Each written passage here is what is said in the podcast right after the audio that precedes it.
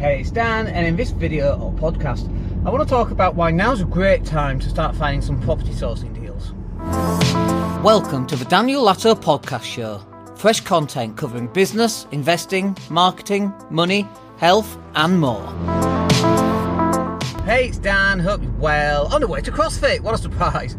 Um, so, we're either in November or we're in December, depending when this video goes out. But probably end of December, uh, end of November, kind of going into December. But these periods of time right now are really, really good for sourcing.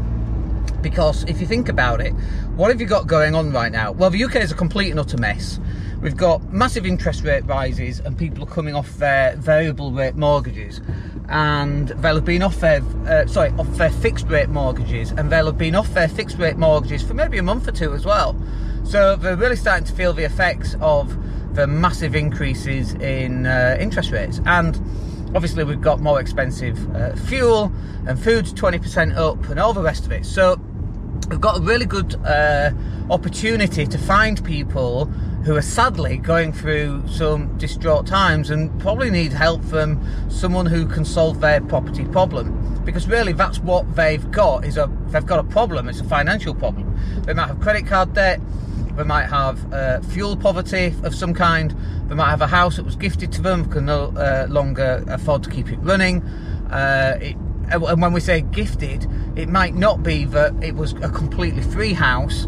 It could have been passed over to them. You know, a house worth 100 was passed over to them at 60, and they still had to get a mortgage on it. Like, who knows, right? But right now, uh, we've got a really good opportunity for you to go out and find some property sourcing deals and uh, obviously you need the investors to buy them as well. But also, there doesn't seem to be a lack of investors. I know a lot of properties going on the market right now, and also that's another reason uh, why now is a good time for property sourcing. Is but because of these properties going on the market right now, there's so much competition. You know, when um, I sold a couple this this year, and in that specific location, when I was selling, there was maybe one or two on the market. Now there's 15 on the market. So if you leaflet drop those particular areas, for example, and these are actually flat, so that might be uh, a little bit more difficult, but you should be marketing anyway, right, across all the board. But if you can target some of these property owners, some of these guys might be desperate because now they've come off the fixed rate, now they're on the standard variable. The rents have uh, gone up somewhat, but they also, because of Section 24, they're now having to pay tax on rental income because uh, they can't offset it anymore due to Section 24. Then we've got massive uh, interest rate uh, rises.